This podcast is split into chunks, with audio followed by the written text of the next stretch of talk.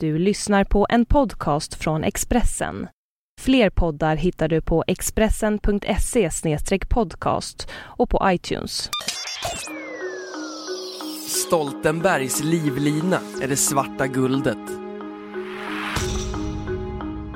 Det här är Expressen Dokument ett fördjupningsreportage varje dag med mig, Johan Bengtsson, som idag läser Andreas Utterströms text om att intäkter från oljan kan rädda Socialdemokraterna i Norge.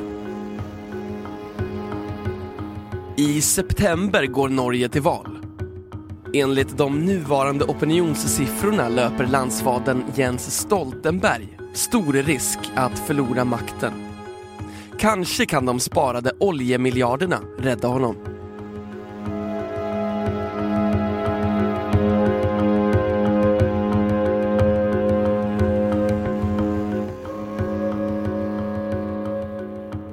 Världen skriker efter olja och de länder som hittat rätt ställen att borra på kan skapa enorma rikedomar som kommer hela befolkningen till gagn.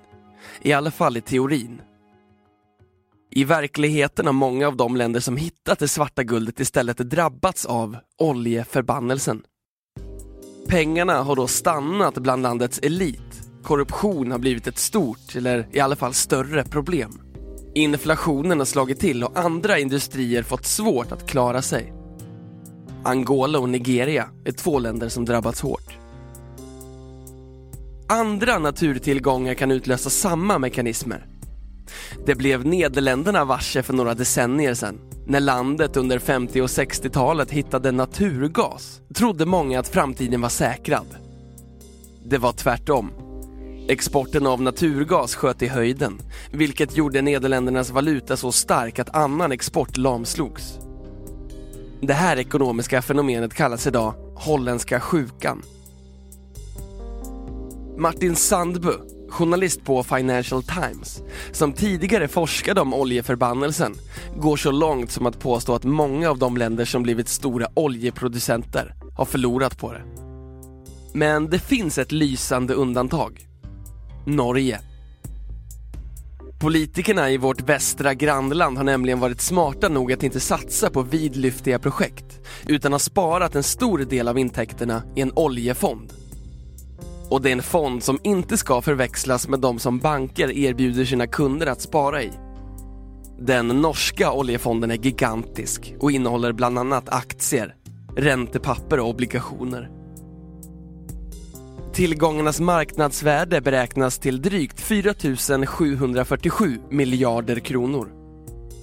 Det skulle räcka till att köpa Apple, som under glansdagarna förra året rekordvärderades till drygt 4 160 miljarder kronor. En annan jämförelse är att den statliga sektorns samlade tillgångar i Sverige i slutet av 2012 var 3 761 miljarder kronor. En uträkning som Financial Times har gjort ger också perspektiv. Enligt den äger den norska oljefonden i snitt 2,5% av alla börsnoterade bolag i Europa. Kontrasten mellan Norge och krisländer som Grekland kunde inte vara större. Norrmännen har bara omkring 3,5% arbetslöshet, budgetöverskott och ett gigantiskt sparande. Samtidigt som andra länder i Europa undrar hur de ska skära i budgeten grunnar norrmännen på hur de ska spendera sitt överskott.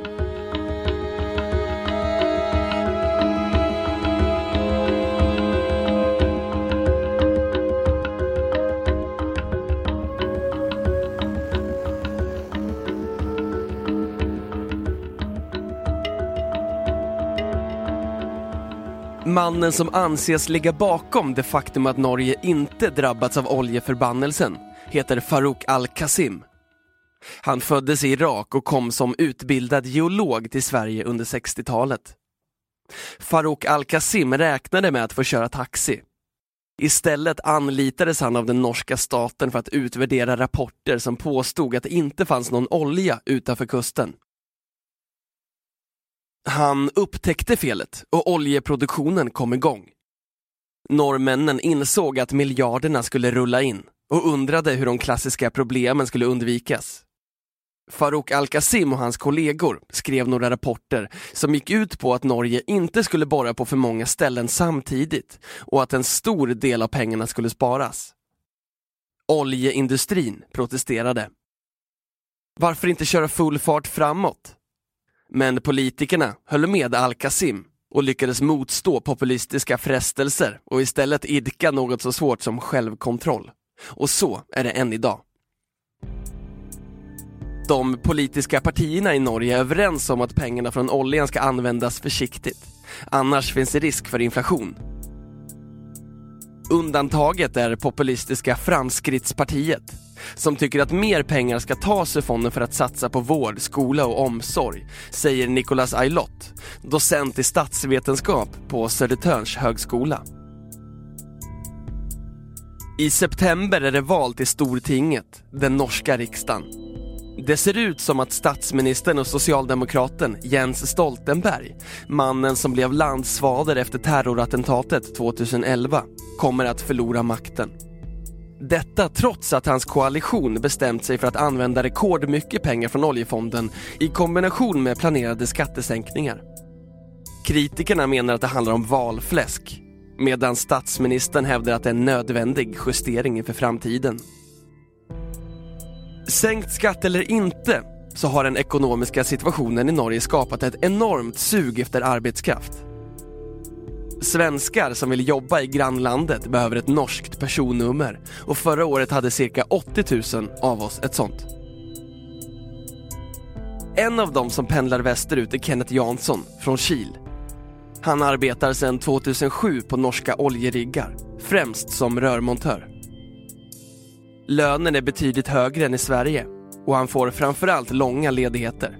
Schemat består ofta av två veckors jobb, tre veckors ledighet, två veckors jobb och fyra veckors ledighet. Men när jag jobbar så här är det sju på morgonen till sju på kvällen. Så då är det mest arbete och sömn. Ledigheten använder jag gärna till att dyka på sommaren och åka alpint på vintern. Den här typen av scheman går inte att få i Sverige.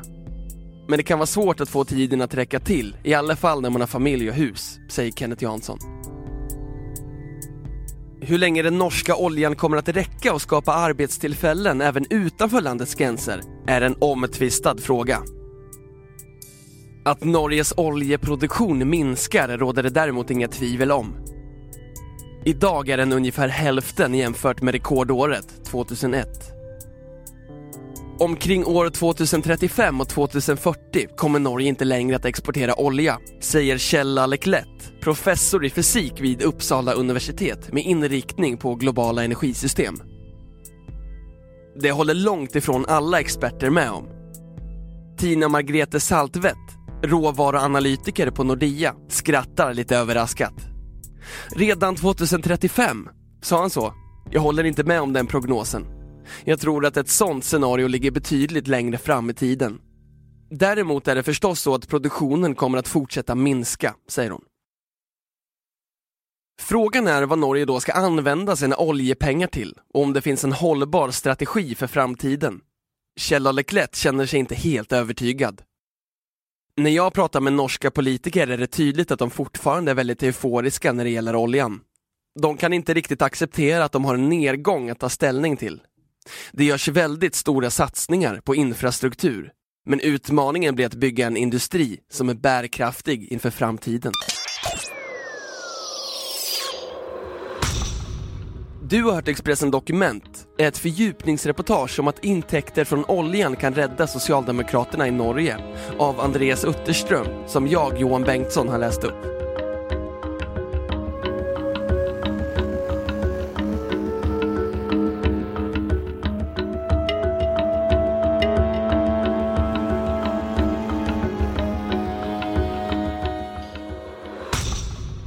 Du har lyssnat på en podcast från Expressen. Ansvarig utgivare är Thomas Mattsson. Fler poddar finns på Expressen.se och på iTunes. Ett poddtips från Podplay. I fallen jag aldrig glömmer djupdyker Hasse Aro i arbetet bakom några av Sveriges mest uppseendeväckande brottsutredningar. Går vi in med hemlig telefonavlyssning och, och då upplever vi att vi får en total förändring av hans beteende. Vad är det som händer nu? Vem är det som läcker? Och så säger han att jag är kriminell, jag har varit kriminell i hela mitt liv men att mörda ett barn, där går min gräns. Nya säsongen av Fallen jag aldrig glömmer på Podplay.